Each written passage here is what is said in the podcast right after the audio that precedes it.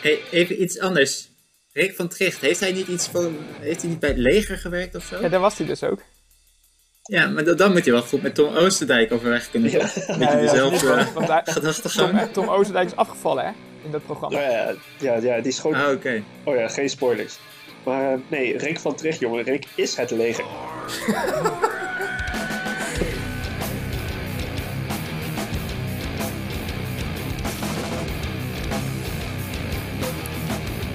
nou, let's go. Aflevering 26 en we zijn weer met z'n vieren. Jij, Zeker. En ik ben echt blij dat er wordt opgenomen. Want ik heb eh, een paar. Ik ben een beetje in paniek. Ik heb een paar belangrijke vragen die ik jullie moet stellen. En ik heb jullie hulp nodig. hoe is? Ehm, Oh, is? ja. Maar misschien, hè, we hebben ook allemaal veel wedstrijden gedaan. Het seizoen is in volle gang. Dus misschien kunnen we daar ook even over praten. Ja, laten we is eerst, eh, zeg maar, eh, een soort van. eh, vorige keer zijn we natuurlijk afgesloten met een paar eh, cliffhangers eigenlijk. Evert ging Lanzarote doen. Nou, het resultaat is denk ik wel bekend. Was echt top. Had je het verwacht eigenlijk zelf? Ik heb je eigenlijk nog helemaal niet gesproken daarover. nee, maar dat is juist leuk. Drie weken verder. Nee joh, pas twee. Oh. Dat is normaal, hè? Meestal spreken we elkaar maar één keer in de drie weken, dus. Ja, zoiets, ja. heb, heb je nog spierpijn? Ja, hoe is het herstel? Nou, ik heb vandaag juist een supergoeie test gefietst, dus eh, ik ben, eh, mijn herstel gaat eigenlijk echt heel goed. Toch niet op de tax, hè? Ja, op de tax, zeker. Ja, het regende vandaag ook Nou. een beetje, hè? Dan mag het. Oh, ik heb nog wel buiten gefietst. Ja, het was vanmiddag wel beter. Maar nou, eh, het nee, gaat dus ehm, goed. het, eh, het herstel gaat goed en het resultaat was, ja, was, was ik ook heel blij mee. Had ik van tevoren zeker voor getekend. Ja, dat snap ik. Alleen net geen Hawaii-plek, jongen. Nee, ja, dat is ach- achteraf. Maar ehm, eigenlijk kon ik er ook niet van balen. Want ehm, ja, ik had er sowieso geen, geen rekening mee gehouden dat, het, dat ik er zo dichtbij zou kunnen komen. Dus eh, Nee, dat ja, was hartstikke blij. Want hoeveelste was je? Vier, of, eh, vijfde. En de eerste vier hebben een Hawaii slot gekregen. Oh, wow.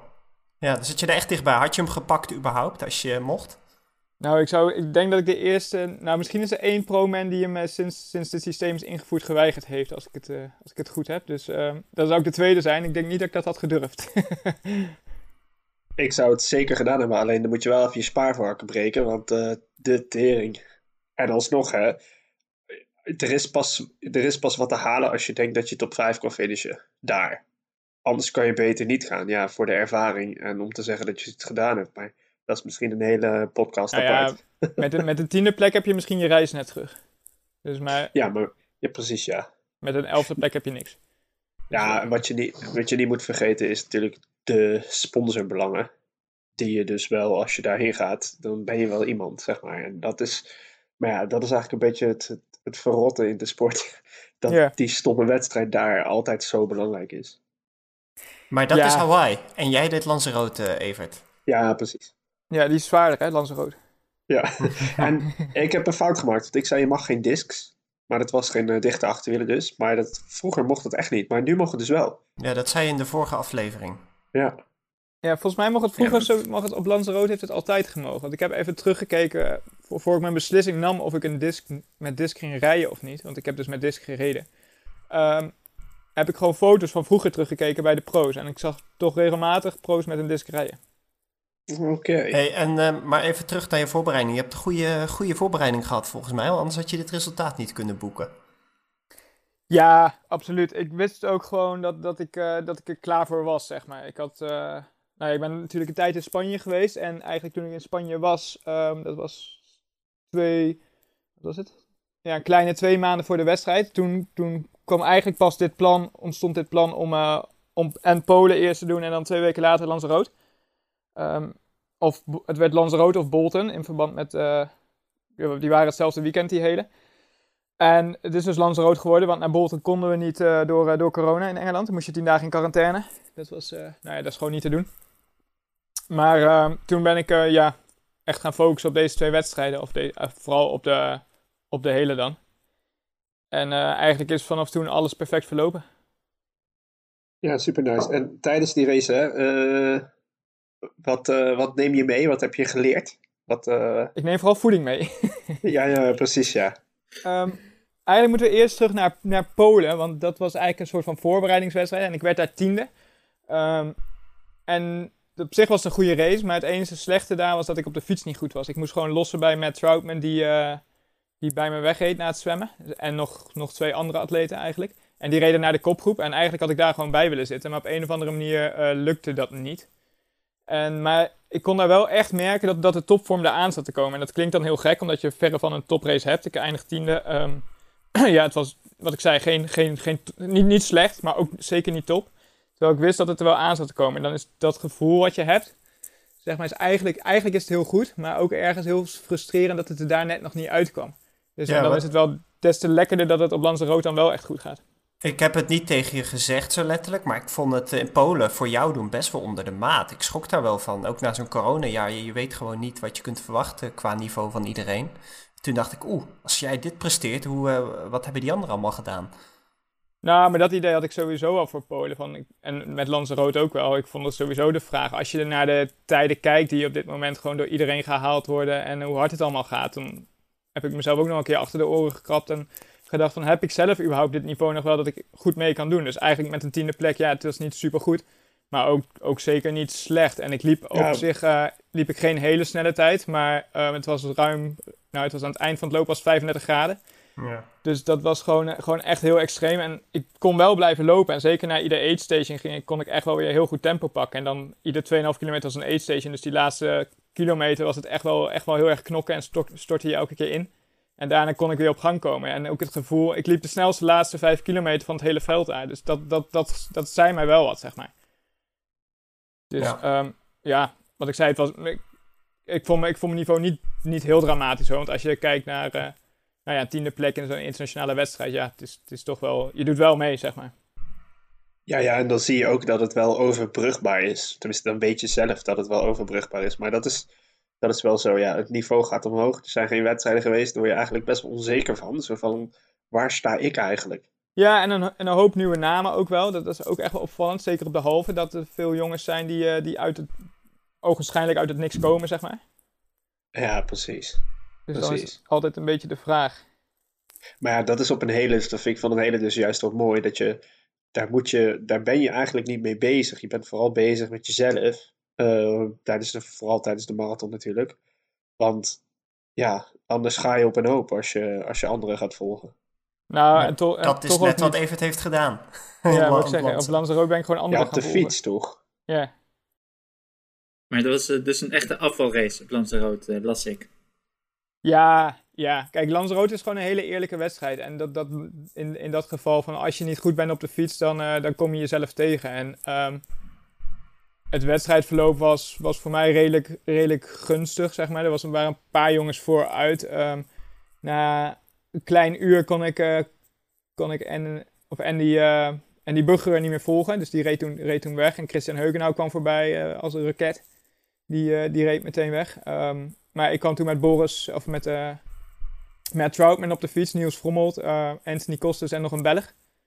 Alleen het probleem hier was dat, eh, dat alleen eh, Matt Troutman op kop wilde rijden. En ik, en ik heb hem toen ook geholpen de eerste, eerste 100 kilometer, zeg maar. Ehm, en die andere jongens die durfden gewoon niet op kop. En ik baal, of ja, Matt en ik hadden het daarover op de fiets van ja, die, die, die piep, die nemen niet over. en nogal frustrerend. En Niels Frommelt is ook geen kleine jongen en die Anthony Kostes ook totaal niet.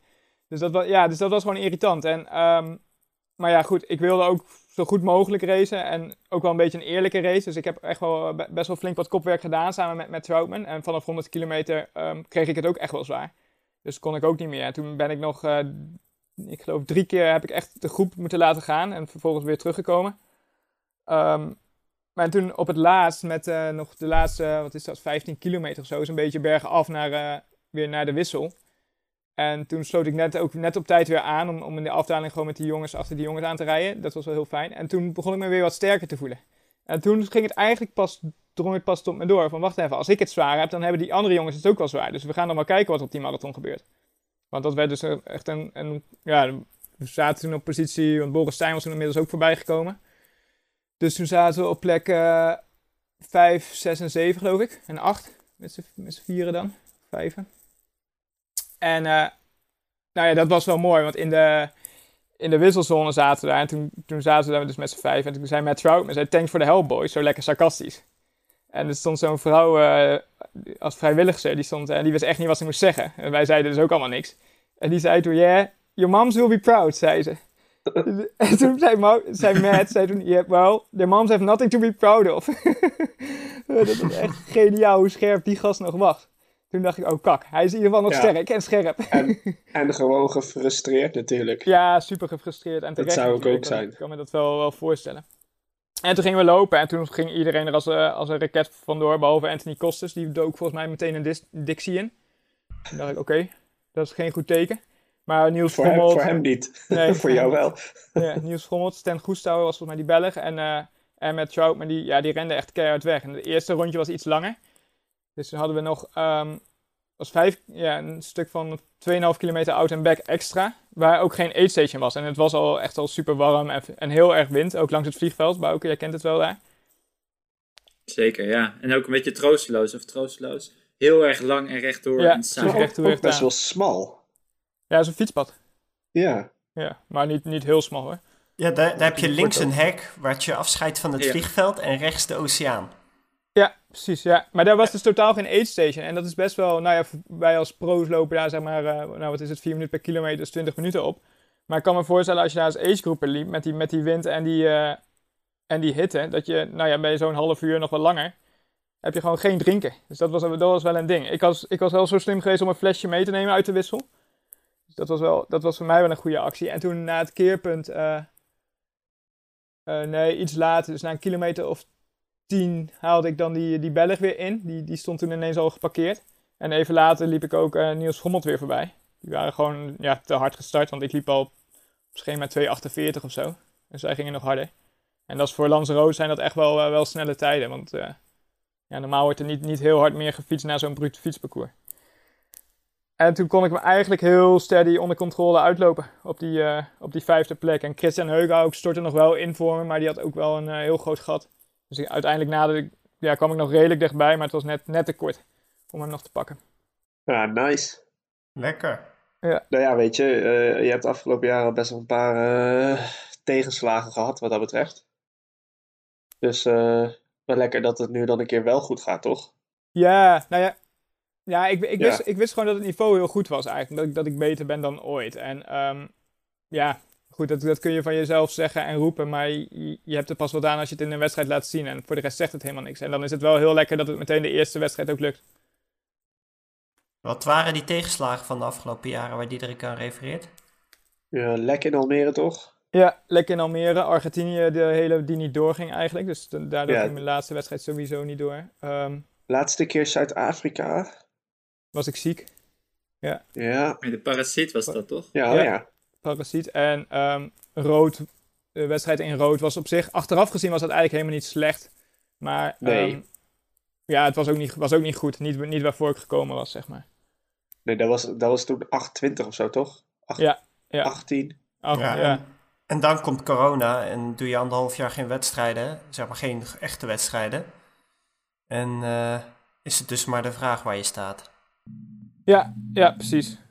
Dus dan Nou, is, dit, eh, is dit, dit echt wel heel lekker. Eigenlijk, ja, eigenlijk doe, ik, doe ik nou beter mee dan ooit. En dat geeft wel een, wel een heel goed gevoel. Want vroeg, voorheen vond ik altijd dat ik ehm, zeg maar, de eerste net niet topatleet was. Zeg maar. Er zaten allemaal grote namen voor me en dan kwam ik. En dan kwamen andere jongens die, waarvan ik vond van ja, oké, dat die zijn het net niet, zeg maar. Dat zijn niet echt de gevestigde orde Zoals vaak. ik.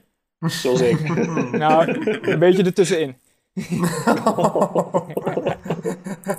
Mooi. Hey, ik, ik heb nog wel een vraag. Ehm eh, wij hadden het daar op WhatsApp over en eh, daar heb je het wel eh, met ons privé gedeeld.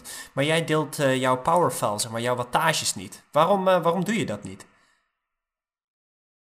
Ehm, nou, jij deelt ze ook niet volgens mij. Klopt. Niet Ja, altijd precies. tenminste. maar, maar- Waarom deel jij ze niet? Nee, eerst jij. Ik ga het er echt wel vertellen. Maar... nou ja, ehm, omdat niemand dat iets aangaat. Heel simpel gezegd. Zeker Ja, denk je wedstrijden. dat ze daar ehm, ehm, bijvoorbeeld informatie uit kunnen halen? Of wat, eh, wa- waarom gaat dat ze niet aan? Ja, Dan- ik kan, ik kan als anderen die delen, haal ik daar wel informatie uit. Ja. Ja? Het is grappig, eh, want ik had het hier ook met iemand anders over. En ehm, eh, een aantal profrenners in de Tour die delen het elke dag eh, op Strava gewoon. Maar zoals Pogacar, die deelt het ook niet. En daar is ook gewoon best wel discussie over. Over zijn waardes die hij trapt en of het wel menselijk is. Eh, dat soort zaken. Maar Pogacar geeft dus ook aan van... joh, eh, ik, eh, ik eh, ja, denk dat mijn concurrentie hier gewoon informatie uit kan halen... over hoe en welke zones ik goed ben en hoe wat ik kan trappen. Eh, en dat ze daar hun tactiek op kunnen afstemmen. Ja, maar e- even terug, Evert. Wat haal jij er dan uit als jij wattages van een tegenstander ziet? Ehm, nou, heel simpel. Ik zie dat ehm, wat voor een wattage Boris Stijn bijvoorbeeld fietst en hoeveel harder die rijdt. En hetzelfde geldt voor Andy, Andy Buggeren. Die hebben ze wel eh, online gezet op Strava. Dus daar kan ik, daar kan ik wel mijn... eh, ehm, ja, kan ik wel dingen uithalen, zeg maar. Heb je, heb je over Lanza bijvoorbeeld conclusies getrokken op basis van die anderen dan? Zeker. Het zijn toch, het zijn toch Duitsers, dus die kunnen deze podcast niet luisteren. Wat heb je van hun geleerd? Ehm, nou ja, ik, ik, ik ga sowieso nog een stukje met mijn aerodynamica aan de slag. Dat heb ik eruit gehaald. Nou, je kan natuurlijk wel zien ook hoe iemand zijn wedstrijd indeelt. Dus komt iemand in het begin voorbij, rijdt hij hard weg en blijft hij daarna steady. En dan weet je natuurlijk ook van, oké, dat doet hij altijd en hij trapt zoveel en daarna zakt hij in. Of, eh, ja, daar kan ja, je... ik- ja, kijk, als je, wel- ja, nou zeker, dat, dat zijn zeker ook dingen waar, waar ik voor een wedstrijd naar kijk. Van hoe deelt iemand vaak zijn wedstrijd in? Begint hij heel hard inderdaad en gaat hij dan langzamer? Of is het iemand die vaak zijn wedstrijden heel eh, gelijkmatig trapt? Of kan die zomaar eh 20 minuten lang op 350 watt trappen en dan, ehm, en dan weer doorrijden, zeg maar, vlak tempo? Als je dat soort dingen weet, wat dat iemand doet, dan kan ik, als ik daarachter rijd, zeg maar, dan weet ik van oké, dikke kans dat hij nu dus 20 minuten al gas geeft en vervolgens weer zijn eigen tempo pakt om iemand los te rijden, zeg maar. Dus dat zijn zeker dingen die je eruit haalt. maar onderling zeggen wij ook wel altijd van... joh, die powermeters, eh, je kunt het ook eigenlijk helemaal niet vergelijken. Het ene merk is het andere niet. Zelfs als je twee dezelfde merken hebt... dan ja, heb je toch nog wel, kan dat echt nog wel verschillende waarden uitslaan, zeg maar. Eh, het is ook al moeilijk of zo. Je kunt daar niet direct iets mee. Je kunt het niet één op Nee, één dus vergelijken in ieder geval. Je moet voorzichtig zijn met de conclusies die je eruit haalt. Dat absoluut. En ehm, ja, Maar goed, ik, ik begrijp bijvoorbeeld de Pogacar begrijp ik wel. Want als hij eh, ergens besluit eh, eh, 20 minuten van de finish vol weg te rijden... dan kunnen ze zien eh, wat hij die 20 minuten waarde is die hij kan trappen. En dan weten ze ook eh, eh, wat hij straks 10 minuten zou kunnen trappen, zeg maar. Dat kunnen ze, kunnen ze ook zien. En hoe ver je van tevoren bij hem moet aangaan om, eh, eh, om hem wel te kunnen kloppen eh, bergop. Ehm, ja en zeker, zeker in, in, in het wielrennen kun je er gewoon echt hele berekeningen op loslaten natuurlijk. Als je, als je iemands gewicht weet en eh, ja, als hij in de ontsnapping zit, dan weet je wel ongeveer hoe, hoe hard en hoe lang die erover kan gaan doen. Met welk wattage. Dus dat is in dit heel nog wel anders. Maar waarom deel jij ze niet dan? Want ik denk niet dat er bij jou veel concurrenten zijn die zien van, hé, hey, nee. daar moeten we wat mee. Nee, ergens schaam ik me gewoon voor mijn lage wattages. nou, dat is het. Dat, dat vind ik, daar ben ik op zich, heb je wel een punt. Want, kijk, ik ben, eh, ja, jij weegt tegenwoordig net zoveel als ik, eh, sinds je gestopt bent met het eten van chocopasta. En ehm, eh, wij wegen dus nu evenveel. En wij hebben, zeg maar, relatief een heel laag vermogen. Dus als ik zeg, oh ja, mijn FTP is eh 310, dan lacht iedereen me gewoon uit. Dat doen ze gewoon. Oh, zo weinig. Ja, dat kan ik ook. Ja, d- oh, dat kan ik ook. Maar dat is nog steeds wel eh, dik 4 of bijna 5 watt de kilo. Ja, maar, ja, maar, ja, maar daarom, daarom zegt het ook niet zoveel. En het, dit is ook heel erg persoonlijk, inderdaad. Dus Ja. het, ga- het, gaat, het gaat uiteindelijk om hoe, hoe, hoe snel je van A naar B fietst. De- hoe snel je dat rondje rijdt. En of je dat nou met 260 watt doet of met, 3, of met 330, dat boeit geen fuck als je maar hard gaat. Ja, maar voorbeeld voor mij, bijvoorbeeld Maastricht, is, ehm, eh, daar, zie, daar zie je nu in de eind- einduitslagen zie je daar een eindtijd. Maar ik heb mijn laatste twee rondes echt keihard ingeleverd. Dat heeft twee redenen. Eén is, eh, ik ben, eh, op een gegeven moment heb ik iemand op kop gedwongen en die kon het tempo niet meer bolwerken. Maar de laatste ronde moest ik zelf weer op kop. Toen kreeg ik mijn wattage ook niet meer rond. Ja, dat vind ik gewoon balen. En dan heb ik geen zin om dat aan iedereen te laten zien. Dan zien ze maar dat ik gewoon dat rondje met 41 gemiddeld heb gereden. En niet dat ik de eerste helft met 42 gemiddeld reed. Weet je wel? Dat eh, ja, vond ik gewoon shit. Dus dan denk ik dan, dan maar even geen wattage online. Maar je deelt het hele, hele bestand überhaupt niet. Nee, ik eh, haal hem van Strava af. Jammer voor die kudo's, man. Dan kun je juist veel kunnen Ja, de komst. wedstrijden. Eh, dat weegt op zich ook nog wel zwaar. Dus nou ja, het kan best zijn dat hij over een week wel online staat. Maar eh, ik had er nu gewoon geen zin in. Ik dacht, ja, ik ben gewoon niet blij. Maar mijn mijn lopen daarentegen heb ik ook online laten staan. Ja, daar kun je ook gewoon aan zien hoe iemand zijn race indeelt. En hoe iemand loopt. En of iemand zich opblaast of niet. Ehm, ja, en ook daar kun je bij mij zien dat ik daar eh, eh, niet hard heb gelopen. Maar je ziet ook dat ik een lage hartslag heb. Ja, ehm, dus maakt het zoveel uit op de fiets, eh, Evert? Zeg maar, als je dat bij het lopen ook kunt zien. Ik, ja, ik vind het nog steeds een beetje dubbel. Nou ja, het feit dat jij er zo geïnteresseerd in bent, zeg maar, zegt mij al genoeg dat, dat, dat er veel mensen, dat er nog veel meer mensen zijn die het heel graag willen weten. En ik vind het wel mooi om dat ook wel mysterieus te houden. Nee, ja, kijk, en, en, maar dat is denk ik ook wat ik zeg. Mensen vergelijken alleen maar absoluut. Maar die bekijken niet van, oh ja, eh, gedurende het seizoen weegt hij maar eh, 62,5. Ja, daar, daar wordt zeg maar niet, niet meegenomen. En oh ja, nee ja, die trapt maar zo weinig. Ja, maar Oh het is ook wat ik zei, het, doet het doet er ook niet toe. Het gaat om die, om, die, om die fietstijd die je neerzet en niet dat wattage wat daarbij wordt. Of wat je daarbij getrapt hebt, daar gaat het niet om. Dus het, het is Nee. totaal niet, eh, ja, daar, het boeit Nee, niet. het enige wat je kunt zien is aan je eigen wattages, aan je eigen waardes, of je voor jou doen een goede race hebt getrapt. Ehm, dat kun je wel zien. Nou ja, En- die conclusie, kon, die conclusie kon ik wel trekken naar Lanzarote. Maar die hoef, ho- hoef ik wat dat betreft ook niet met iedereen te delen voor mij. Ik bedoel, dat Nee. is mijn eigen ding en dat is... eh, Exact. Nou ja, ben ik het wel mee eens. En wat ik ook wel begrijp waarom mensen hun wattage niet willen delen, is ehm, wanneer je op eh 8 meter zit in plaats van 10, eh, dat zie je er natuurlijk ook in terug.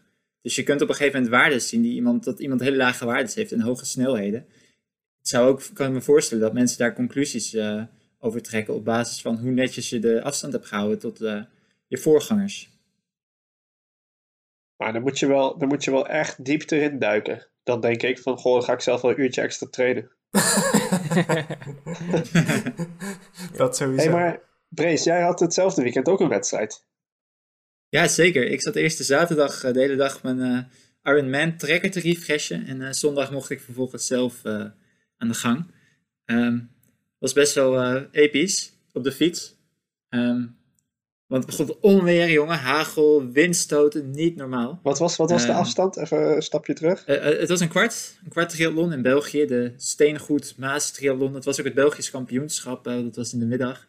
Ehm, ah, het zwemmen ging heel lekker. Ik had een, voor het eerst weer dat ik eh, met mijn wetsuit zwom. Eigenlijk had ik de dag ervoor voor het eerst weer met mijn wetsuit gezwommen. Konden we het parcours even eh, zwemmen. Ehm, maar eh, echt wel chill hoe fijn weer zo'n wetsuit zwemt. Hoe, hoeveel harder dat gaat, opmerkelijk. En het fietsen, ik had totaal geen goede benen. En ik zat de hele tijd al te hopen op het, op het lopen. En dat was ook niet normaal. Er kwamen groepen voorbij. Het was dus denk ik een soort ouderwetse NRW-liga. Daar hebben we wel over verteld. En Ja. niet wedstrijden waar gewoon enorm hard op de wordt. iedereen van tijdritfiets. Ja, op de tijd Ja, op de tijdritfiets, Dan zegt de jury van tevoren, oké, het is niet steden, maar we controleren niet. Succes. Ja, precies. Nou, dit, eh, er was geen jury die dat zei, want ik heb helemaal geen jury gezien überhaupt. Eh, ja, dus dan eh, gaan atleten vaak al een beetje hun gang. Maar volgens mij zat ik, eh, kwam ik erachter, was een keerpunt in het fietsparcours. Ik kwam erachter dat er iets van eh, vijf man in een kopgroep zaten. En ik zat met een man of acht in een tweede groep. De laatste ronde gingen we toen in. Ja, het, het sloeg helemaal nergens op. De eerste ronde had ik ook alleen gefietst. En toen haalde iemand van Aloha mij in, die later de kopgroep aanvoerde.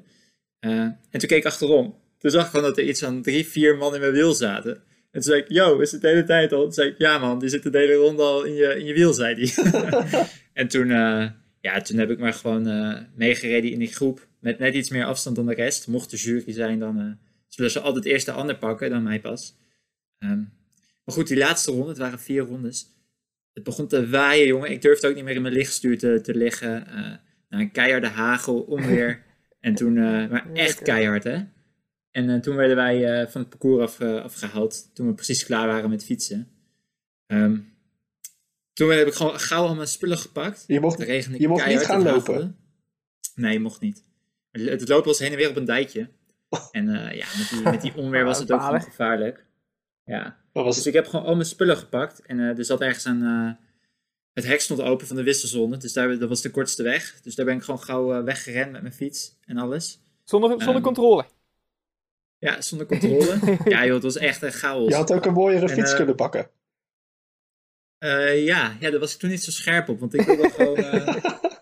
ik wil gewoon even droog Oh, was je maar wat scherper geweest. ja, shit. Had ik nu een mooie... Nou, ik weet niet of ik een mooie fiets kan pakken. Maar goed, dus ik ben toen naar een tent gerend. Uh, want we waren met Aloha op die camping. Dus we hadden een grote partytent mee. En ik kwam naar binnen. In, uh, in die tent. Iedereen stond ook zeg maar met de handen vast aan die tentpalen. Want anders waaide die tent gewoon weg. Die partytent. Um, ja, en dat, dat was het verhaal een beetje ik, ik wilde best wel graag lopen, maar uh, ja, dat kon niet. Ja, het was wel, uh, was wel episch. Steengoed verhaal. Steengoed. ja, en daarna is het BK, het Belgisch kampioenschap, is afgelast. Dat ging niet meer door. Nee, die mocht überhaupt niet meer starten. Maar ik heb nog een vraag.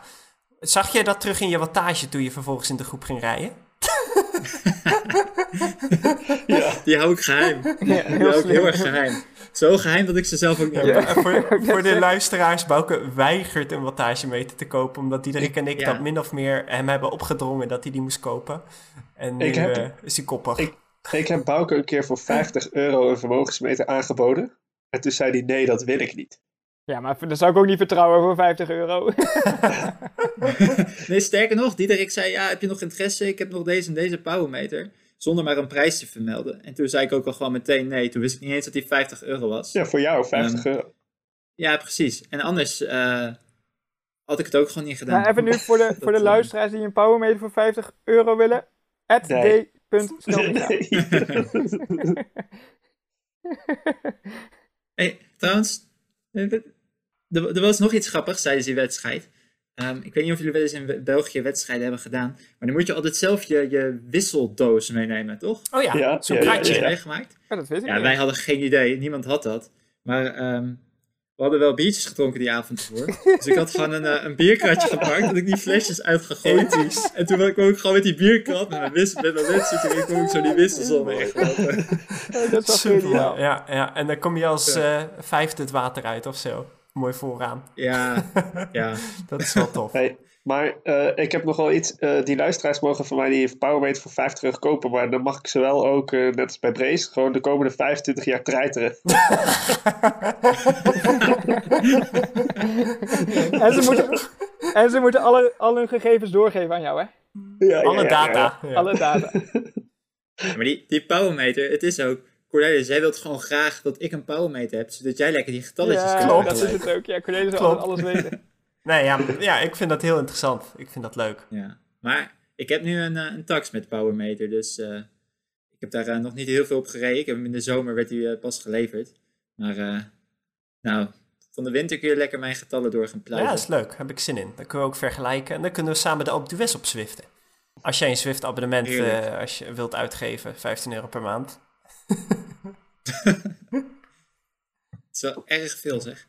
Hey, um, maar uh, voor de, de week ervoor had jij ook nog een wedstrijd, Cornelis. Want jij zat toen in Oostenrijk toen we opnamen. Ja, klopt. Dat was uh, vlak voor mijn EK en mijn pro-debuut. Dat was de EK half in, in Oostenrijk.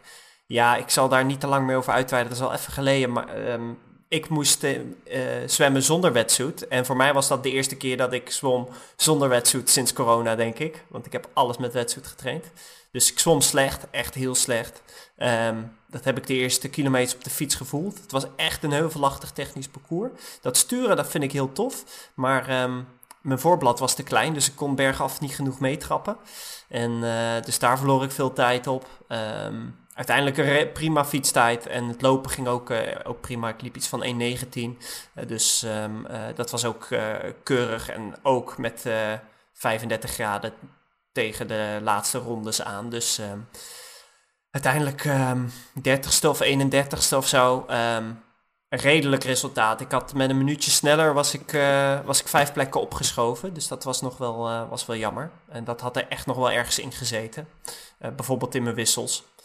Maar ja, voor nu was het was prima. Het was vooral een hele vette ervaring om een wedstrijd te doen in de Oostenrijkse Alpen. Het was echt heel vet. Dus nu heb ik over twee weken uh, doe ik de op de West triathlon, de korte. Dus dat is, wel, uh, dat is ook wel weer heel tof. Dat is niet zo technisch, dat is vooral klimmen, maar dat is wel cool. En wil je nou meer wedstrijden als pro doen? Ja, nou, ik zou, ik zou heel graag het WK lang willen doen als pro. En um, in Almere is dat dit jaar. En Evert en Diederik, die, die starten daar. Battle. Dat zou echt heel cool zijn. Ik heb eh, daar eh, vorige week eh, eh, met Diederik een battle voor, eh, voor uitgevoerd. Op de halve in Maastricht, de 043 triathlon. Ehm, en daar moest ik eh, top 2 halen. Nou was het zo zu- vrij zuur dat, dat Menno Koolhaas de dag ervoor uitviel. En dus ook aan de start stond in de, op de halve triathlon. Dus ja, die- die viel uit op het NKOD. Op zaterdag in Rotterdam. Daar reed hij lek. Toen heeft hij s'avonds de organisatie gebeld. Zegt, yo, mag ik op zondag nog even meedoen aan die halve? Ja, en dan is hij gelijk de gedoodverfde favoriet. En eh, dat maakte die ook waar. Die won ook echt met een grote afstand. En eh, daarachter zaten ehm Nick Heldoorn. Die maakte zijn debuut op de halve. Deed hij echt eh, onwijs goed. En, en Milan Brons. En Milan die zwom anderhalve minuut harder dan ik. Die fietste in het begin langzaam weg. Maar die is op een gegeven moment ook iets versneld. Waar ik vertraagde. Ehm, en toen had hij uiteindelijk echt ruim vijf minuten toen we aan het lopen waren. Dus eh, die was ook niet meer... eh, binnen afstand. Dus ik was vierde in plaats van top 2. Dus nu ehm, ja, moet ik eh, op de zegen van de bondscoach wachten. En ik kom waarschijnlijk op de reservelijst te staan. Dus hopen Echt? dat iemand geblesseerd uitvalt. Maar waar- waarom word je... want ehm, de top 2 mag. Milan is dan derde. Dus die... nou ja, als Menno niet gaat, dan kan ik me voorstellen dat Milan dan, dan mag. Mhm. Eh, maar er zijn ook nog wel andere jongens die, eh, die daar kans en aanspraak op mogen maken, neem ik aan, toch? Mhm. Ja, klopt. Je, je, er zijn een paar dingen. Je moet expliciet aangeven dat je dit als hoofddoel hebt. Bij de bondscoach ruim van tevoren. Nou, dat heb ik uiteraard gedaan. En een aantal andere jongens ook. En daarnaast vindt de bondscoach Rick van Tricht het gewoon belangrijk dat je laat zien dat je er ook echt wat voor over hebt. Dus dat je nou ja, op zo'n moment zoals eh, in Maastricht er gewoon staat. En er zijn gewoon een aantal jongens die dat niet hebben gedaan. Nee, er was natuurlijk best wel wat, wat, wat soort van commotie over. Zo van, ja, hoezo kwalificeren op een halve voor een hele? Maar ja, ik zag het niet echt als, als kwalificatie. Kijk, de selectiecriteria voor de selectie lange afstand, die zijn al jaren hetzelfde. Als je eerste of tweede wordt op het NK halve, dan hoor je in die selectie. En als je in die selectie zit, mag je starten. Ehm, nu is het NK halve ver doorgeschoven en heeft de NTB bepaald. eh, die wedstrijd in Maastricht zien wij als eh, ja, selectiewedstrijd voor Als NK. de selectie lange afstand. Ja, als. NK eigenlijk, ja. Dus als je daar goed presteert, zit je in de selectie. Dus mag je starten. Het is niet direct een kwalificatiewedstrijd. Nee. De kwalificatie is zeg maar, of zeg maar je deelname aan het WK lang als pro, is gevolg van het feit dat je in de selectie terechtkomt. Ja, exact. Ja, ja oké. Maar dan word jij nou dus vierde, Cornelis. En dan eh, zou ik het best wel raar vinden als je alsnog geselecteerd wordt voor het WK. Terwijl het dus ah, eigenlijk dus, ja, zat je ver van de kwalificatie-eis af. Je hebt nog nooit een hele gedaan. De vraag is, ehm, eh, zijn er andere atleten die datzelfde doen en daar dat als hoofddoel hebben en dat ook laten zien? In plaats van ik, weet alleen er maar zo, ik roepen. weet er sowieso één die dat, eh, die dat wel duidelijk heeft aangegeven. Ja, wie, En, wie, wie zou dat willen? ehm, Tom Oosterdijk. Maar waarom was hij dan niet op, eh, in Maastricht? Omdat hij dat niet wist dat die wedstrijd was voor het eh, als selectiemoment. Dat heeft hij nergens gelezen, nergens gehoord. Ja, dat is drie weken, drie weken van tevoren bekendgemaakt. Ja, maar dat, is, ik snap, dat vind ik ook al, al raar. Want ik weet dat Tom Oosterdijk is naar Kenia geweest. Dus die heeft totaal geen, eh, geen voorbereiding gehad voor die wedstrijd. Dat is natuurlijk ook al een tijd geleden gepland. Ja, maar iedereen heeft toch die drie weken? Ik ook. Ik heb eh, twee weken voordat ik deze halve deed een andere halve Ja, ja, ja, dat maar is goed, voor mij niet ideaal anders, hoor. als je dan wat anders gepland hebt. En zeker iets wat, ehm, wat alleen maar waar je alleen maar fietst. Dan kan ik me goed voorstellen dat je niet klaar bent dan voor zo'n wedstrijd. En dat je dat niet in één keer nog kan omgooien. Ja, als Nee, dat je ja, hoofddoel is, ja, ja ik, ik snap het ergens wel, maar ik denk als dit je hoofddoel is, dan Ja, hij, je hij heeft alles opzij. wel ook andere wedstrijden gedaan. Om zich, hij is naar Amerika geweest om, eh, om het goed te doen eigenlijk. En ehm, nou, hetzelfde geldt voor eh, Michiel de Wilde. Ja, van Michiel weet ik, van Michiel weet ik dat hij niet wil. Oh, die gaat niet naar het WK. Wilt niet. Michiel die wilde niet. Michiel die wilde niet. ja. Nee, maar goed. En, maar zo zijn er nog wel een hoop andere jongens, denk ik, die, eh, die in het verleden op het EK gestart zijn en ehm, ook wel graag eens pro willen starten. Ja, ik vind, ik, vind het wel, vind het wel een moeilijke discussie hoor. Want Nou, het is, Ehm, dat is ook nu zo. starten hè. er sowieso al twee mensen die nog nooit, nog nooit een hele gedaan hebben. Dus dat is, ja, dat, dat, dat roep ik altijd al. Een halve is, die is honderd keer Ja, anders dan een hele. Niek en Milan. Milan heeft wel hele gedaan. Ja, die is, Nee. heeft hem niet gefinished. Nou ja, dan Ja. heb je hem niet gedaan wat mij betreft. Ah, ja, ja, goed, je hebt niet gelopen. Hij heeft niet gelopen. Nee, dan- je, je hebt ja, totaal geen ervaring met hoe het is. je hebt geen idee. Je hebt geen idee, jongen. Nee, maar ik, ik snap ook wel dat het raar is. Maar dat is een beetje zeg maar, de situatie waar we hier in Nederland in zitten. De spoeling is niet heel groot. Er steekt niemand met kop en schouders bovenuit. Eh, er is niemand duidelijk die Ho, zegt, ho. eh, jij hoort erbij. Nee, als zeg maar op basis van de nog in te vullen plekken. Hè? Ah. Ehm, en Nee, nou ja, dat, Ja, maar dat is ook, dat is ook eens een beetje de discussie die, die er is geweest. Van de huidige A-selectie heb je ook gewoon geen idee wat ze kunnen. Nee, maar daar zit niemand bij die nog nooit. Die, zeg maar, de- iedereen heeft er wel eens een hele gedaan. En Ja, voor ja. iedereen is bekend wat die zou kunnen. Nou ja, En eh, dat oké, is wel laten we ander even verhaal. advocaat van de duivel spelen nu. Hè. Stel, mensen kijken naar het resultaat in Maastricht en die zien jouw resultaat direct in Maastricht. Want dan moet, het, moet je zomaar zelf maar vertellen wat daar misging. Maar dan zouden mensen ook kunnen zeggen van ja, eh, wat gaat hij daar doen? En hetzelfde geldt, ehm, nou ja, Nou, ik, ik kan je zeggen, dat is ook gebeurd. ja, nou, maar precies. Maar hetzelfde Maar geldt voor zijn- Dirk Wijnaldum. zat drie kwartier volgens mij achter mij in, eh, op, eh, op Lanzarote bijvoorbeeld. Dan kunnen Ja. mensen ook een vraagteken stellen. Of zeggen van nou ja, oké, dat is nou eenmaal het niveau en dichterbij komt er niemand. Dat is natuurlijk ook een conclusie die je kunt trekken. Of, Nou, eh, ja. En er zat ook nog een Nederlander voor Dirk Ja, precies. Ja, ja. En Dasselaar. Zat er een paar Mag die dan minuten naar het WK? voor. Ja, Die, bijvoorbeeld. eh, die wilde niet eh, door het gedoe van de kwalificatie heen. Vond hij eh, te veel, eh, veel rompslomp. Dus, nou ja, als hij, als die hij dus op Lanzarote goed gedaan had, dan had hij zich kunnen kwalificeren volgens mij. Dan is het helemaal geen geroep. Nee, volgens mij, ja, ik weet niet of daar een, eh, of daar een kans in zit. Als je, Ja, zeker. Als je, laat zien op een, 5 op- of top als je 10. ergens hebt laten zien op een hele waar je het goed gedaan hebt, dan Nee, precies. Dat klopt. Als je, dan krijg je een aanwijsplek. Als Ja. jij eh buitengewoon goed presteert, nou ja, zeg kijk, maar. in principe, Cornelis, krijg jij ook die aanwijsplek. Dat is de aanwijsplek. Ja, ik heb, er geen, zijn- ik heb geen aanwijsplekken. Ik stap de Nee, reservelijst. Maar ben je al jij zit al zeker dan? Dat je Nou, nee, dat wordt, eh, over twee weken wordt dat ingediend. En waarschijnlijk kom ik op de reservelijst. Dat is, Bestaat eh, dat eigenlijk überhaupt? Een reservelijst. ge- ik denk dat, eh, dat zij TZT, dat de, dat de bond, eh, als iemand uitvalt, mensen kunnen doorschuiven. Maar waarom, waarom start je niet als agegroeper? Mag niet. Ik ben op het EK gestart. EK halve. Ja, je bent dit ben seizoen pro. als pro gestart. Dan mag je niet dit jaar terug naar Age Group. Bij Challenge wel, toch? Bij Ironman maakt dat niet uit. Bij Ironman Ja. is dat anders. Bij Challenge maakt Ja. het niet uit. Oh, dat is, dat is dan wel goeie inderdaad. Dat is Nee, eh, nee. Ironman-regel. Age- En dat geldt alleen group- voor Hawaii, volgens mij ook. Age Tenminste, group is niet. Age Group is voor amateurs. Nee, nee, nee. Het zou, nee. het zou serieus, als dat mag, dan moet ik nog eens even uitzoeken dan. Ik, ik was in de veronderstelling dat het niet mag. Ja, is de kans dat ik dat doe.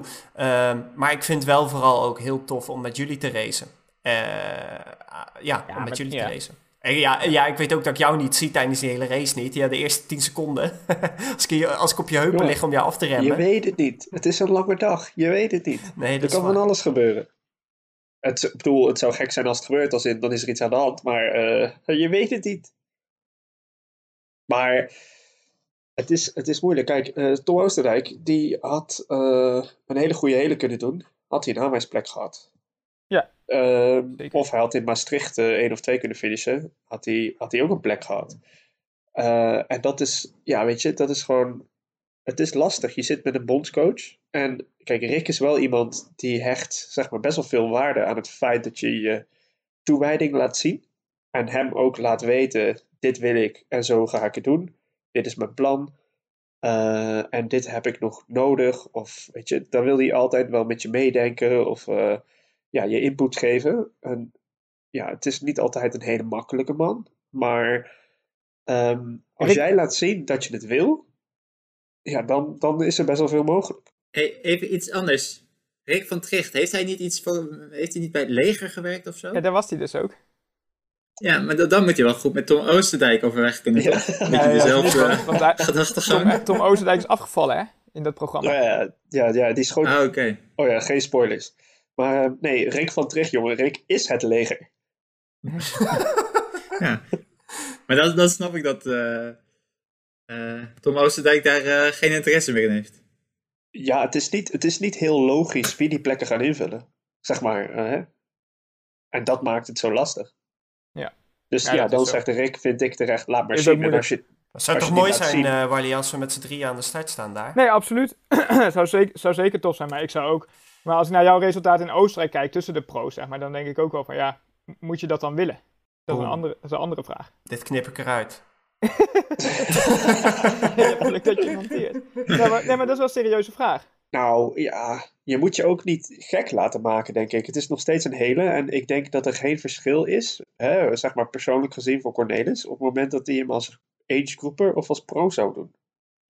Je Nou, weet ik, uitvoering, denk dat je als, als agegroeper misschien een leukere race gaat hebben dan als pro. Ja, Ja. meer mensen om je heen. Ik Ja, was als in... je als eh, agegroeper gestort was in Oostenrijk, had je, was je 15e geworden of zo? nee, vijfde. Mocht je, mocht je met een wetsuit Nee, zwemmen. volgens mij zaten er En mocht ik met, eh, mij met meer zwemmen? voor. Eh, in, mijn, in mijn leeftijdsgroep was ik vijfde. Ik denk ja, dat er... ja, eh, ja, maar tussen de... nee, tussen minder dan tien. Minder dan tien. Ja? Ehm, ja, zeker. En die zwom inderdaad met wetsuit. Nou, dat had me drie minuten opgeleverd. Terug, terug naar dit onderwerp, hè, terug naar ook de vorige podcast. Eh, Navi Tom, Tom Heuendaal, waarvan wij zeiden, ja, die gast, wat doet hij als agegroeper? Die wil sneller dan jij. Ja. Dus terecht mijn vraag opnieuw. Wat doet hij als agegroeper? Heb je hem dat nog gevraagd? Ik heb hem niet meer gesproken, helaas. Hij was al gedoucht toen jij binnenkwam. Ja, ja. maar hij heeft uit zijn Instagram profiel ook staan iets van ehm, eh, professional age grouper of zo. Ja, ja, ja. Dat kan ook alleen maar in Duitsland. Hè? Mooi. Ja, ja. Dat, eh, Ja, maar het is sowieso wel interessant, want ik, ik snap dat, dat, dat die, ehm, eh, die stap van agegroeper naar pro is ook gewoon heel groot. En die keuze die je moet maken is ook best wel heel lastig dan, denk ik. Ja, ik vind dat dus helemaal niet. Eh, wat zou jij... eh, kijk, Tom bijvoorbeeld, hè, Navi Tom. Wat zou, die leeft al als pro. Hij werkt part-time volgens mij. eh, hij traint als een pro. Hij eet als een pro. Hij slaapt als een pro. Hij wordt wakker En als nou voor profies. Ja, maar hij start als agegroeper. Wat Ja. zou dan nog het verschil zijn? Ja, de- misschien de druk. Eh, ja, ik- nee, en het, wedstrijd, het wedstrijdverloop. Ik bedoel, Cornelis laat ook al we- weten dat hij zonder wedstrijd moest starten, terwijl de agegroep is zo- eh, zonder starten. Dus daar zit al het verschil in. Vaak is het niveau zwemmen bij de pro's echt veel groter en hoger dan, bij de, dan de top agegroep. Dus als agegroeper rij je altijd achter de feiten aan. Ik denk dat dat is wat Tom Oosterdijk bijvoorbeeld en Michiel de Wilde nou ook merken als, als pro starten. Ehm, je zit gewoon anders in de race. En dat, dat maakt het gewoon heel anders. Eens. Kijk, ja. eh, kijk, voor mij zijn twee dingen. Eén is, ik vind het gewoon echt tof om met jullie te racen. eh, en met name ook met Diederik. Twee, ik ja, weet dat je ik... in mijn voeten kan liggen. Nou, precies. Ik weet dat ik met zwemmen vaak bij jou in de buurt zit. Ik weet dat ik met mijn huidige niveau met fietsen nou 100 kilometer mee kan. Misschien wel 180, dat weet ik niet. En qua lopen, op de korte afstand zijn we gewoon erg aan elkaar gewaagd. En ik weet niet of dat op het lang zo is, maar dat zou ik graag meten in een directe battle. En eh, dat kan niet als ik als agegroeper start. Dus ik vind het mooi om te horen. Eigenlijk ben ik jouw grote inspirator. Nee, eigenlijk verwacht hij jou te gaan verslaan. En denk je jou, Nee, hij denk wil je jou te, wil aan te kunnen op een hele. Dat is mooi. Ja, dat zijn jouw woorden, even. Ja, maar dat, dat is toch wat je Ja, zegt? maar jouw gedachte. Cornelis. Nou, kom maar op. Kom maar op. Ja, mooi. Ja, maar Ik dat had ik je in Maastricht. kapot. Maar dat is wel leuk. Dan gaan we nou naar Maastricht. Wat had ik in Maastricht ook al verwacht? Die kom maar op. Ja, nee, voor mij was de druk te hoog. Ja, Diederik, die maakte, fout, Diederik maakte de dag van tevoren al een fout. Een grote fout. Een agegroep fout. Absoluut. ja, Nou ik ja, ik, ik ook. Oké, ik ga het vertellen. Ik, eh, ehm, we zijn zeg maar verhuisd hè, een paar maanden geleden. We zijn nu een beetje aan het verbouwen. En we hebben nu iets van vier ingangen en uitgangen. Die we ook alle vier gebruiken. En Cornelis en ik hadden de auto ingepakt. En eh, we komen door de ene deur naar binnen. We gaan naar de woonkamer. We drinken nog een bakje koffie. En we zeggen, kom, we gaan. En we gaan door de andere deur naar buiten. En onderweg, zeg maar, naar binnen zeiden we nog, oh ja, deze tas moeten we nog even pakken. En we gingen koffie drinken en we lopen zo weg. En letterlijk rijden we in Maastricht de straat in waar we gaan logeren. Ik krijg een appje van Bo. "Eh, heb je deze spullen ook nodig? Zo. Dus dat waren, was mijn voeding, eh, mijn helm, mijn fietsschoenen en mijn loopschoenen. dus toen dacht ik, shit, moet ik heen en weer rijden. Maar toen heb ik gelukkig, zeg maar via via, eh, iemand gevonden die de ochtend van de wedstrijd zelf nog naar Maastricht kwam. Toen heeft Evert voor mij, eh, die is naar Oosterbeek gereden, die heeft die tas opgehaald en eh, afgezet in Lent bij Nijmegen, waar dus die mensen woonden. En toen heb ik ochtends om eh, een uur voor de start nog mijn eh, spullen teruggekregen. Maar dat was dus alles behalve eh, vloeiende en soepele voorbereiding. En nou ja, toen, het zwemmen ging wel aardig nog. Hè? en toen wisselde ik naar fietsen. En ik dacht, wat gebeurt hier? Ik krijg geen lucht en ik kan geen, ik kan geen vermogen leveren. En ik, ik mijn eerste vijf minuten nog een expres een wat lager wattage getrapt en af en toe omgekeken of Diederik eraan kwam. Maar ik kwam niet. Nee, ik kwam gewoon niet terug. Ik had hartslag 180 en ik kon maar 220 watt trappen. Nee, nee, wacht, sorry. Ik had hartslag 180 en ik kon maar 250 watt trappen. Terwijl mijn plan was, zeg maar, 270 of zo. En die hartslag zakte niet en het vermogen steeg niet. Dat daalde ook alleen maar. En ik zat op die tijdritfiets en nou, dat was ook de eerste wedstrijd op die fiets. En dus ik had zeg maar best wel moeie armen van het zwemmen. Gewoon kapotte armen eigenlijk. Ook omdat ik misschien net iets harder had gezwommen dan ik eigenlijk wilde, want Milan zwom weg. En ja, dat gebeurt me niet heel vaak, dat Milan bij me wegzwom. Nee, en jij dacht, oh nee, maar Cornelis moet bij Milan blijven. ja, nou ja, toen op een gegeven moment, ik lag in Milans voeten en ik wist dat Cornelis achter mij zwom. Toen dacht ik, shit, als ik hier los, dan verkloot ik Cornelis' wedstrijd, want die wil Dat is kwalificeren. lief, jongen. Dus, Dus broederliefde, dat gebeurt niet dat dacht vaak. ik serieus, dat dacht ik serieus. Dus ik nog extra in het rood om die voeten te houden. Maar ja, dat is dus mislukt. Achteraf hoorde ik van jou dat, dat jij toen ook al los lag bij mij. Ja, klopt. Maar ja, dus, en toen was ik aan het fietsen. En ik, ik kon gewoon, ik heb, kan me niet herinneren dat ik zulke slechte benen heb gehad. Nou, vervolgens was ik dus eh, aan rondje drie bezig. En ineens klonk, lag mijn pedaal uit mijn krenk. Toen dacht ik, "Huh, wat is dit nou weer? Toen ben ik gestopt. En daar stond onder andere Rick van Tricht. En toen heb ik dus mijn schoen uitgedaan en mijn pedaal teruggeschroefd. En eh, nou, toen ben ik weer eh, op de fiets gestapt. Blijkbaar zaten die lagers gewoon even op slot of zo.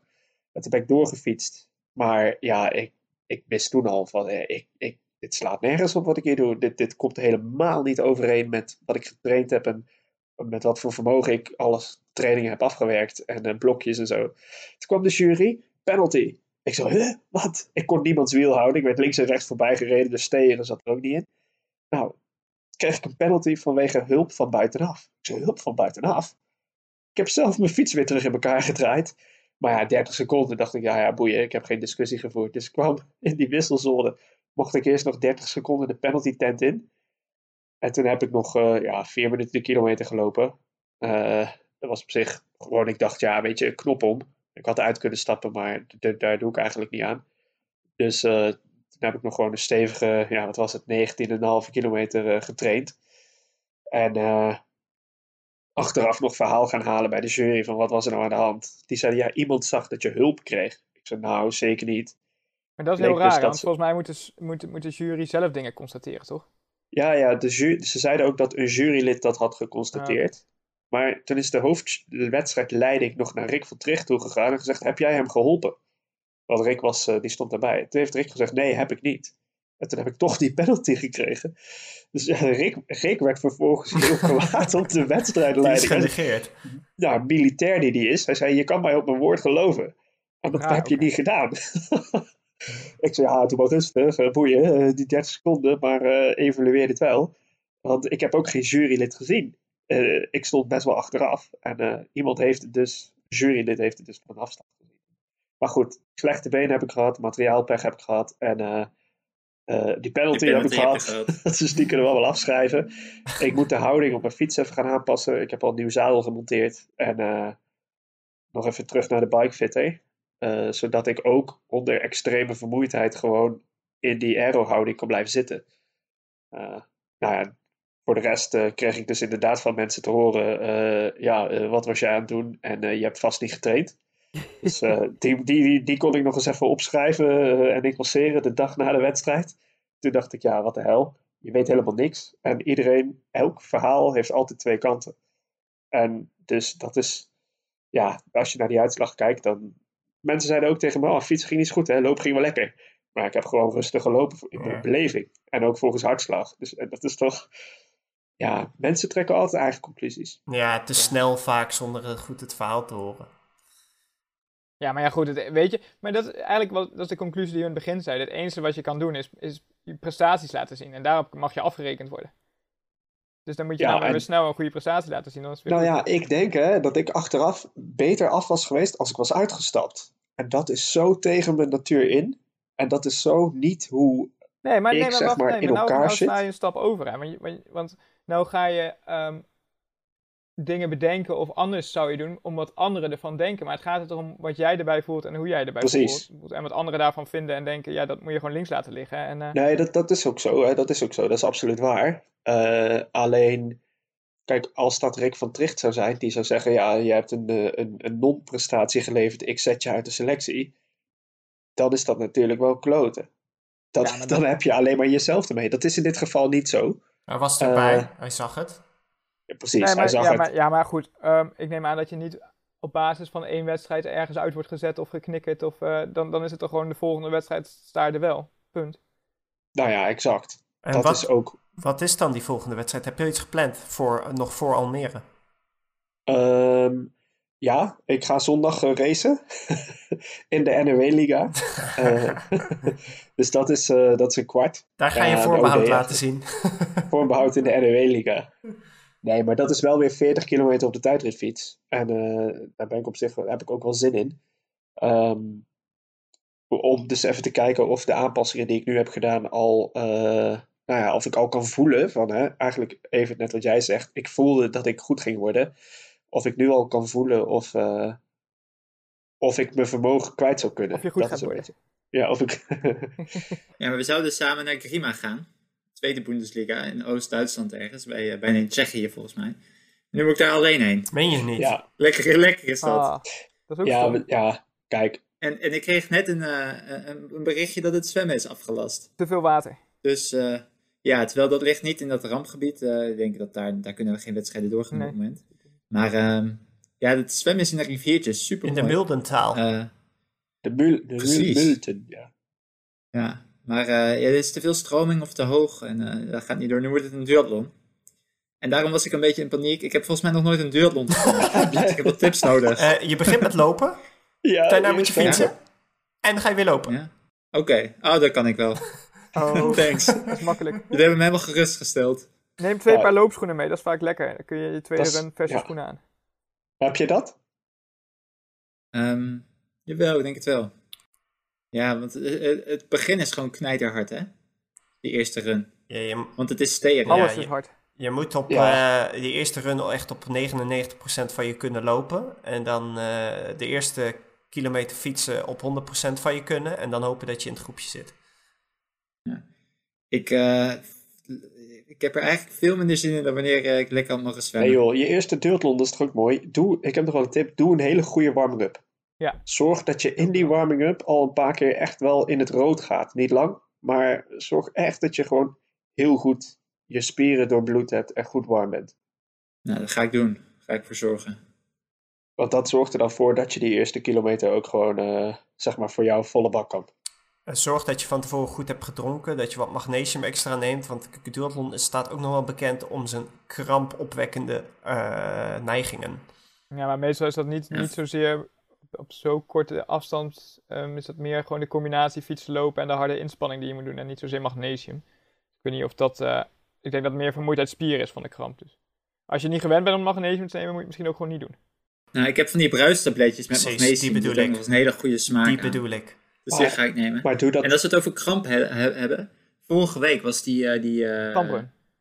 De eerste divisie eh, dubbele supersprint. Zwemmen, fietsen, lopen, zwemmen, fietsen, lopen. Allemaal heel kort. Toen kreeg ik ook kramp tijdens mijn eerste, eh, eerste run. Maar eh, ik kwam er vandaag achter. Ik had die fietsschoenen bijna niet gebruikt. Dat zijn van die triathlon schoenen.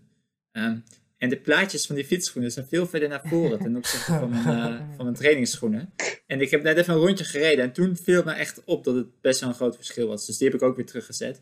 Ik denk dat dan de belasting op de kuiten ook weer wat lager wordt. Dus eh, Ja. nu hoop ik die kramp eh, te voorkomen. En dan een buisje magnesium erbij. Maar indirect heb Goeie je dus al een duathlon gedaan. Je hebt de vorige keer dus gelopen, daarna nog een keer gefietst en toen ook nog een keer gelopen. Ja, het is alleen nog ook zwemmen tussendoor, ja. Ook dat. is wel heftig. Ja. Ja. ja, dat is het zeker. Het is ook niet mijn favoriete format, denk ik hoor.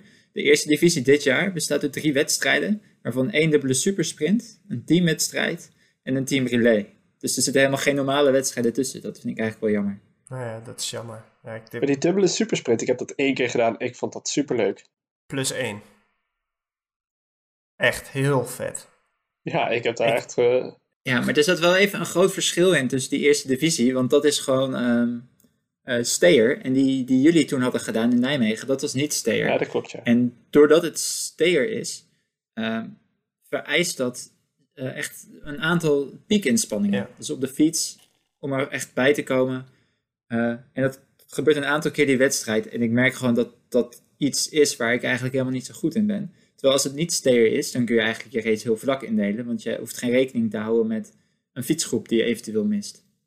Dus het is bij vlagen super intensief. En eh, ja, dat is wel killing. Wel nice. Ja, wel een van, ook een van mijn favoriete formats. Leuk. Ja, ik, ik moet zeggen, ehm, toen het eh 20 minuten voorbij was, toen werd het pas vet. Eh, ik heb niet heel lang geleden de, de renner ge- gelezen van Tim Krabbe. En daar schrijft hij ook zoiets van, eh, eigenlijk ehm, verandert nadat je klaar bent, al je afzien pas, pas in genot. Eh, en al het lijden wordt, eh, ja, wordt een positief gevoel daarna. Op Mooi. zich heeft hij een punt. Hey, dat is mooi om, Ja. eh, om deze podcast mee te beëindigen, denk ik. Hé, hey, oh, wacht. Horen jullie dat deuntje? Daar is de AliExpress. Dingen, dingen, dong, dong, had ze vlas. Dingen voor een. Oh, Ja, Ja. Heeft iemand nog iets hè? besteld? nee, ik heb absoluut ja, niks. voor mijn fietsvakantieplannen heb ik wel het een en Oh, ander misschien besteld. moeten we ja. hem eh, anders deze week skippen. Ja, deze lijkt me keer. goed. Tenzij, Volgens mij is hij lang genoeg. tenzij vandaag. Evert nog dingen besteld heeft. Nee. Het is nou Doe, duur. doet je weegschaal wat nog? Of nee, Een weegschaal. of Tossie ijzer? Nee, nou mijn Weegschaal. weegschaal, dat is wel een goede. Ik was op vergeten voor Lanzarote, dus ik heb daarbij eh, een of andere Chinese toko een nieuwe gekocht. Ja, dat is indirect ook Dat Ali. is ook Ja, ja, ja, dat telt ja, ook. ja. Nou, mooi. Gefeliciteerd met deze aankoop. Je hebt dus, wacht, oh, je hebt nu dus twee weegschaals. Twee keukenweegschaals. Oké, ik hou me aanbevolen. Ehm 9 euro. nou ja, laat dat maar zitten. ja, ik moet er toch ook op verdienen? Importkosten vanuit Spanje. Ja, precies. Dat is echt, ja, ik moest je opgeven bij de douane en zo, op gezeik gehad. Ja, met die poeders van jou. ja.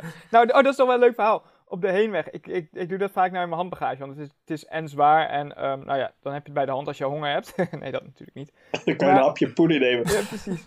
maar toen ehm, ging je dus door de douane en toen werd ik er dus uitgehaald. En toen moest ik zo'n heel gesprek voeren, maar die man die ging rare vragen stellen. Hij vroeg, ehm, ja, oh ja, nou eerst natuurlijk gewoon, heb je je tas zelf ingepakt? Zo, ja. Heb je dat gedaan voor of na het douchen? Wat? Huh? Eh, daarna.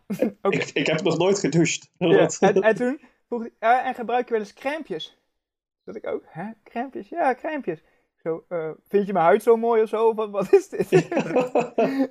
maar echt allemaal hele random vragen. Gewoon een heel normaal gesprek, zeg maar. En toen was het oké. Heel Oké. Toen mocht je gaan. En, Ja, eh, ze, maar, ze hebben wel eventjes zo'n, ja, dan nemen ze zo'n sample, maar niet van binnen. Maar gewoon van de buitenkant van je spullen. Ik controleer ze op sporen volgens mij van iets. Ja, ja, opsporen. ze hebben die, eh, hij zag natuurlijk die kwakzalver eh balsem van jullie. De balls. Mooi. Eh, Die mag niet in de handbagages. eh liquid. Ja. Dat is vloeibaar. Die ben ik nu overigens uitgebreid aan het uitproberen. En ook na Maastricht, eh, omdat ik dus niet zo lekker in die houding zat. Ik heb nog nooit zulke schuurplekken gehad. Maar toen had je, had je hem niet gebruikt, neem ik aan. Nou, niet van tevoren, maar ik ben blij dat ik al twee kinderen heb, want ik heb geen ballen meer over. De tering zeg. maar dus, eh, in plaats van de balsem ben ik overgegaan op de wonderwonder. Zo erg was het. Zo, ja, lekker. Zo. Ja, mooi. Ik hoop dat het een beetje helpt voor je, want ik eh, ja, weet uit eigen ervaring dat dit soort schuurplekken niet heel prettig zijn. Ook in je spijkerbroek zit gewoon niet lekker. Ja joh, ik, eh Je Paul. kunt het beste gewoon zonder broek rondlopen. Ja. maar op kantoor kijken ze een beetje gek. Ja, dat kan ik me wel voorstellen. Dat dat een beetje een vreemde situatie Nee, maar- oplevert soms. Nee, maar, nee, nee, nee, maar we werken nu allemaal thuis, dus ik zit gewoon ehm, in mijn conference call zonder broek. Ja, dat kan. Je moet niet weglopen. nee, ik moet niet opstaan. Oké. Ah, nee, maar die, die wonderwonder, dat is wel echt, eh, dat, dat helpt, eh, dat is wel lekker spul. Daar ben ik wel, ben ik wel over te spreken.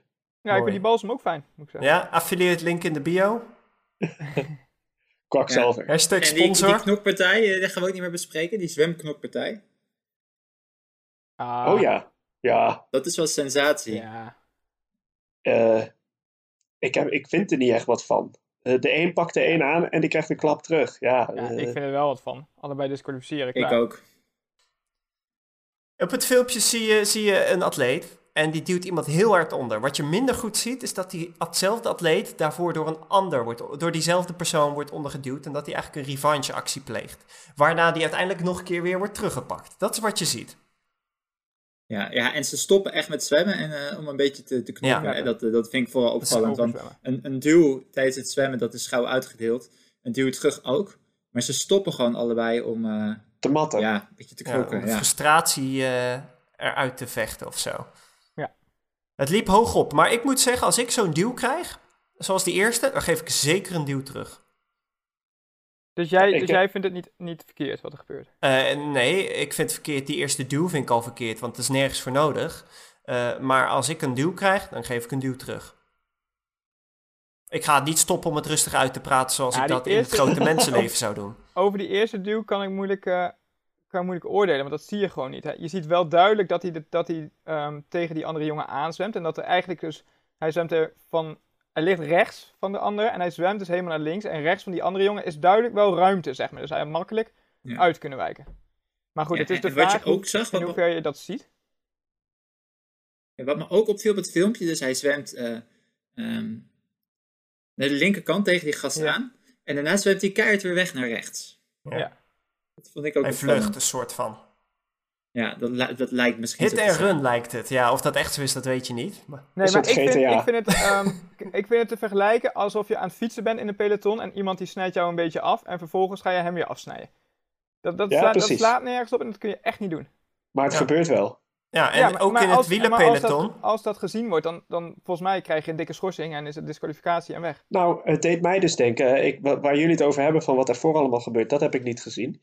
Eh, maar waar het mij aan deed denken was eh, aan een Harry Wiltshire versus Gomez. In een van de, wat is het, Eh, eh, WTS. WTS races. En daar zie je dus dat Harry Wiltshire, een Brit, Gomez, een Spanjaard, oprecht hindert. Maar hij valt hem niet persoonlijk aan. Hij snijdt hem wel af. Gomez kan niet naar de groep toe. En bij het uitgaan van het water blokkeert hij nog even subtiel De eh, dat, het, dat hij ja, de uitgang, zodat hij nog net weer even twee seconden verliest. Maar die Wiltshire, ze noemen hem eh, Harry, ze noemen hem dus ook wel nu Dirty Harry. eh, die is zes maanden geschorst geweest daarvoor. En het was niet echt, niet zoals hier, dat iemand persoonlijk erop afging op de man en hem echt gewoon min Ja, of meer het, was, bij het, zijn was ook, het was wel persoonlijk. Ik heb wel het filmpje gezien en het, is wel duidelijk. En, Dirty meerdere Harry is malen. een dusdanig goede zwemmer Ja. dat hij echt wel heel goed doorheeft wat er gebeurt en hoe en wat, zeg maar. En meerdere Ja. malen. En bij Ja. Gomez, om eventueel, hè, dat zijn dan de suggesties die je Concurrenten wekt. van. Oh ja, te- ten behoeve van een van de Ja. Brownlees volgens mij. Maar, maar nog, eh, nog, nog meer recent werd Alistair Brownlee, volgens mij in Leeds, gedisqualificeerd omdat hij ook klappen uitdeelde. Dat heb ik ook niet gezien. Ik ja, heb ik niet heb het zelf ook niet gezien, maar ik heb het wel gehoord. Dan kunnen Ja, we er niet over oordelen.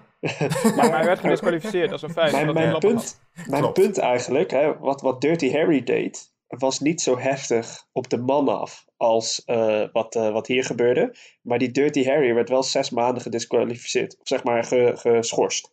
Ja, En- ik zou het daar niet Ja. mee willen vergelijken, omdat die Dirty Harry het echt meerdere malen, echt, echt wel, echt een, een 5, 6, 7, 8 keer bewust, zichtbaar bewust, vol Ja. op camera, eh, hem hindert. En dat, dit, is, dit is gewoon een ruzie tussen twee atleten tijdens een Ja, ja, wedstrijd. en de Ja, een beukt de een, dat- de ander beukt terug en de een beukt weer hem. Ja, maar dat kun je toch niet doen? Dat Nee, is heel dat- simpel. dat Je hoort jezelf niet. gewoon te controleren daarin. Nou, ik, nogmaals, zou jij het je laten gebeuren als jij, zo, eh, als jij, als jij het idee hebt dat iemand jou bewust eh, onder water duwt, terwijl hij aan de andere kant alle ruimte heeft? Zou jij hem gewoon jou onder water laten duwen? Nee, dan geef je op een gegeven moment de duw terug. Maar dit was duidelijk een revancheactie van, joh, ik zwem achter jou aan opnieuw. En ik pak jou terug, zeg maar. Ik ga weer op jou zwemmen. Ja, dat, dan, dan hinder je je eigen wedstrijd ook nog verder. Ja, nou ja, Ja, ze lagen ook gewoon een paar seconden stil. Ja. Ja. Ja, klopt. het, het, Weet ik het veel wat kost te ze doen. allebei vet tijd. Ja, het kost allebei zeker super vijf- En stom het kost ook superveel energie. Ja, ook. Dat ook. Ja. Focus. Maar, jij zou ehm, hetzelfde doen, Cornelis. ik- nou, nogmaals, ik zou, gewoon een, ik zou ook een beuk teruggeven, ja. Maar ik, Cornelis, ik wil nog wel een mooi verhaal. Hè? Eh, NKOD in Weert. Eh, ja, nou, exact. Dat, eh, dus daar kun je het misschien mee vergelijken. Is niet zo op de man, maar vertel. We, Wat we, gingen daar? met, eh, we, gingen, we gingen met 100 man op één boei af en die boei lag best wel kort. En nou ja, we hebben het net al besproken, jij en ik zwemmen altijd ongeveer gelijk. En we gaan om die boei heen En nu ga ik iets vertellen wat ik nog niet eerder heb verteld. Maar toen hoorde ik, dus zeg maar, we gingen allemaal naar die boei. En ik hoorde echt Cornelis zo. Ik hoorde iemand. Ik hoorde iemand schreeuwen van paniek en angst. En ik hoorde gewoon, ik wist gewoon, dit is Cornelis. En toen heb ik zeg maar die boei gepakt. En toen heb ik zo net zeg maar die boei verplaatst, zodat ik er zelf doorheen kom. Dus ik ben zelf aan de goede kant van de boei langs gezwommen. Maar dat kwam alleen omdat ik zelf die boei aan de kant drukte. Anders was ik oprecht aan de verkeerde kant langs gezwommen. Ja, Maar dat is mooi, want ik hoorde jou gewoon in paniek, ja. midden in het gedrang. Maar heb je Cornelis toen bevrijd of zo? Nee, Nee, ik, nee, nee. Ik, lag, ik lag denk ik al drie, vier seconden onder water. En ik kreeg de een na de andere atleet Ja. over me heen. En op een dat- gegeven moment was ik zo in paniek dat ik mezelf omhoog trok. En drie andere atleten, eh, met, eerst met links, Maar toen met rechts op een andere atleet ging. Toen nog geen boven water het uitschreeuwde. En met alle adrenaline toen weer eindelijk vrij was en weer door kon Maar dit is, zwemmen. dit is echt precies de reden waarom ik hier boos om word. Om dit filmpje wat hier gebeurt. Want ik ken een ander verhaal. Ehm, ik zal geen namen noemen wie het was. Maar in Tsjechië, bij een Europa Cup, dan heb je ook na 150 meter of zo de eerste boei. En in een Carlo Europa Cup Vivari. Carlo Vivari, ja. Is het ook echt knokken? Dat was met En Tim daar- Dullaert. Waarom noem je geen namen? Ja, ik weet niet of hij dat leuk vindt. Maar Ja, ehm, die jongen die, die zwemt altijd wel goed. Dus die zit vrij vooraan. Maar die heeft dus het hele peloton over zich heen Ja. gekregen. Omdat hij onder is geduwd. En die is heeft, dus echt gedacht dat hij niet zou overleven daar op dat Ja, moment. ja, ja. En Dat snap ik. Maar als zoiets gebeurt, kijk, nu, nu was het dan niet bij een boei, maar als je dat dus doet, het is echt gewoon levensgevaarlijk. Dus je kunt Het het, is echt niet gevaarlijk, maken. En het hoort gewoon niet bij het zwemmen. Dus daarom ben ik er echt, echt fel op tegen. Nou, kijk, eh, waar, waar ik het wel, waar ik denk ik eh, jullie op kan vinden, is dat ik gewoon vind dat er boten moeten zijn die daar beter naar kijken. En inderdaad dan direct iemand moet disqualificeren. Ik vind niet dat je met terugwerkende kracht nu kunt zeggen, joh, die twee atleten, wie dat ook waren, die kun je, die kun je dissen. Dat vind ik niet kunnen. Uit de uitslag grappen. Nee. Nee. maar wat wel kan natuurlijk, is de NTB kan ook zeggen: we vinden hier wat van en we schorsen iemand. Of twee iemanden. Ja, Dit moet je gewoon ook. niet doen. Ehm, Ja, maar het, is, het, is, het is eigenlijk wat, wat ik net zeg. Het is gewoon, het is gewoon echt gevaarlijk. Je kunt het is gewoon- zeker gevaarlijk, ja. En Als, het, als dit op de fiets was gebeurd en het was later naar buiten gekomen, dan weet ik 100% zeker dat er actie was ondernomen. ja, als, terwijl, als, iemand, als de een en ander een tik geeft. ja, ja, terwijl, zeg maar, als je met de fiets valt, ja, je hebt een hoop schaafwonden, maar je gaat niet dood. Nee. Maar als je met zwemmen inderdaad een heel peloton over je heen krijgt, ja, dan is het nog maar de vraag. Ik ken eigenlijk gelukkig geen verhalen dat dat ook daadwerkelijk gebeurd is. Nee, iemand. gelukkig niet. Maar hebben jullie wel eens een beuk gehad van iemand eh, Ja. eh, met Ja, joh. zwemmen, fietsen Ja, of met joh. lopen? Alle drie. Ja, ik ook. En ook bewust? Ja. Ja, met lopen zeker. Ook in Weert, hè, Diederik, in de Ja, eindsprint. dat was ook in Weert, ja. Ga je geen namen noemen? Nee. Nee, diegene. Dat, toen ging ik, dat was, ik was zo naïef, eigenlijk achteraf. Hè, eh, ik ben veel te lief voor deze wereld, denk ik soms wel eens. Ik ging toen achteraf, ik had dus echt letterlijk in de eindsprint een aanvaring met iemand. En toen ben ik naar de finish daar naartoe gegaan. Ik heb gezegd, yo, eh, we raakten elkaar. Eh, als het mijn schuld was, sorry. Oh ja, maakt niet uit, ik heb toch van je gewonnen. Toen dacht ik achteraf, hé, hey, maar het was helemaal mijn schuld niet. Want ik kon geen kant op, want er zat een hek tussen. Dus ik werd gewoon letterlijk de bocht ingedrukt in de eindsprint. En eh, gewoon keihard eh, ellebogen in de middenrif. En dat was, Alles voor de overwinning. Of die vijfde, ja, zesde, voor zevende, achtste, plek, was het? voor plek 8. Plek acht. Hey, en Evert, jij, wat is jouw heftigste aanvaring met een andere atleet tijdens de race? Ehm, zou ik zo niet, niet kunnen noemen, maar ik ben ook wel eens onder water geduwd met zwemmen. Of, eh, nou, ik denk de heftigste ervaringen zijn in training geweest. Bij Sjors. ja, ja, ja.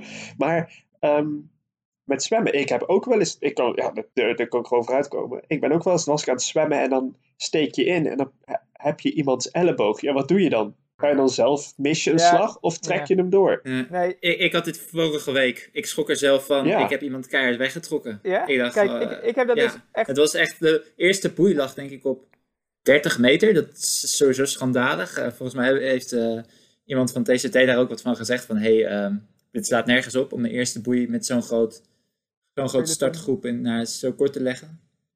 Ehm, maar ik was aan het zwemmen en ja, ik pakte iemand vol bij zijn schouder. En eh, nee, dat ging helemaal per ongeluk. Maar ja, wat kon je dan? Eh, links van mij lag iemand, rechts van mij lag iemand.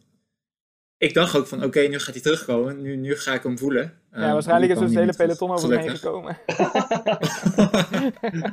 Lekker breus. Maar Nou dit- weet hij ook- Nou, nou, nou nou, oké. Ik, heb nog een, ik heb nog een toevoeging hieraan zelfs. Ehm, ik heb onthouden welke kleur pakje die had. Eh, en bij de finish hoor ik iemand met dat kleur pakje zeggen van... Goh, want het zwemmen is een chaos. Maar ja, eh, als hij luistert, het was per ongeluk. Eh, ja, dit- ik zou dat nooit opzettelijk doen in ieder Nee, geval. ik heb dus... Ik heb dus En ja, Normaal, normaal is het ook zo, van tevoren, eh, ik had niet zo'n zin in die zwemstart, ook omdat ik wist dat die boei zo kort lag. Ik wist ook van, ja, er gaan klappen vallen. Eh, en ik heb ook vaak genoeg gehad dat ik het slachtoffer was. eh. dus ja, dat, ik denk dat het er ook wel een beetje bij hoort. Ja, Ja. Het, gebe- het gebeurt gewoon. Maar het is eigenlijk sinds ik de overstap heb gemaakt naar een lange afstand, is het zwemmen wel een stuk rustiger en makkelijker geworden. En ehm, ik heb dus nog wel een paar keer gehad dat ik inderdaad iemands enkel kon pakken of pols of weet ik veel wat. Maar dat ik echt bewust niks gedaan heb, zeg maar. Dat je echt de ruimte opgezegd. Wat goed zeg, dat je niet eh, eens enkel hebt gepakt toen je de kans had. Ja, ja, ja.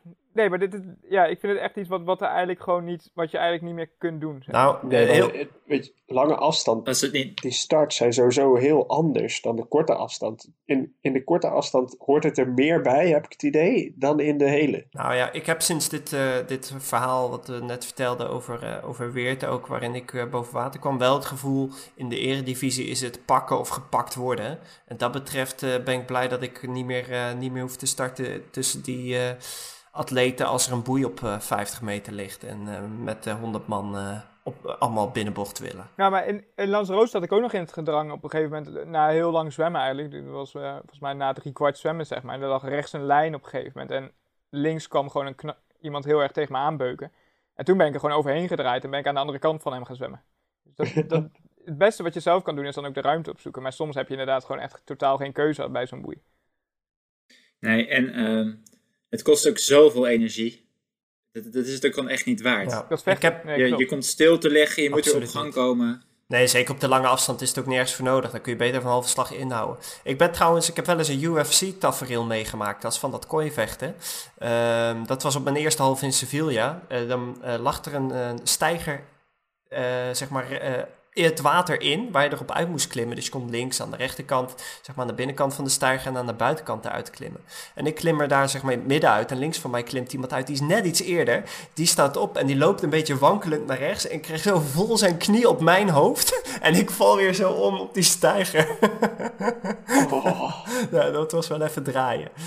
oh, dat is ook niet fraai. Dat is, dat is ook niet best, nee. Maar weet je, zolang dat zeg maar, kijk, het verschil met dit soort dingen en Ja. wat we op die film zien, is dat gaat bewust en dat gaat onbewust. En op het moment dat je iemand bewust op zo'n manier aanpakt, dan moet daar van mij, wat mij betreft, een consequentie op staan. Ja, en ook achteraf nog. Ja. Als het, als het duidelijk Ja, daar ben ik het ook helemaal mee eens. Maar we zullen zien. Nou ja, ik denk dat er niks gebeurt. Maar weet je wat eigenlijk zo dom is? Binnen de eredivisie, je hebt een nummer op je badmuts. Iedereen kan het zien. Ja, maar er wordt, er wordt gewoon niet over nagedacht. Is dat gedaan? Ja, er wordt niet goed meegevaren ook, denk ik, of zo. Ik weet niet zo goed wat er gebeurt. Of te weinig. Te weinig jury. Ja, ja, nou ja. ja en deze precies. jongens hebben net de pech dat het en gefilmd wordt en onder die brug is. Voor de brug. Onder, had- onder was slim geweest. ja, onder was Ja, beter. was slimmer geweest. Met, misschien gaan ze elkaar het verder daar. Ja, Ja, dat zie je niet. Nee, ja, je weet niet wat er verder nog gebeurt. Ja, Ja, ja. Je hebt geen idee, jongen. Misschien hebben ze elkaar de hand geschud. ja dat kan ook. oh, Hebben ze het even sorry. uitgepraat, bijgelegd en eh, zijn ze verder gegaan. Dat zou mooi zijn. La- laten we het daar maar op houden. Ja, Oké, nou ja. nou, Ja. we moeten het nog een keer over eh, jouw spectaculaire vakantieplannen hebben, Bouke. Dan gaan we volgende keer eens over verder praten. Leuk. Ja, lijkt me een goeie.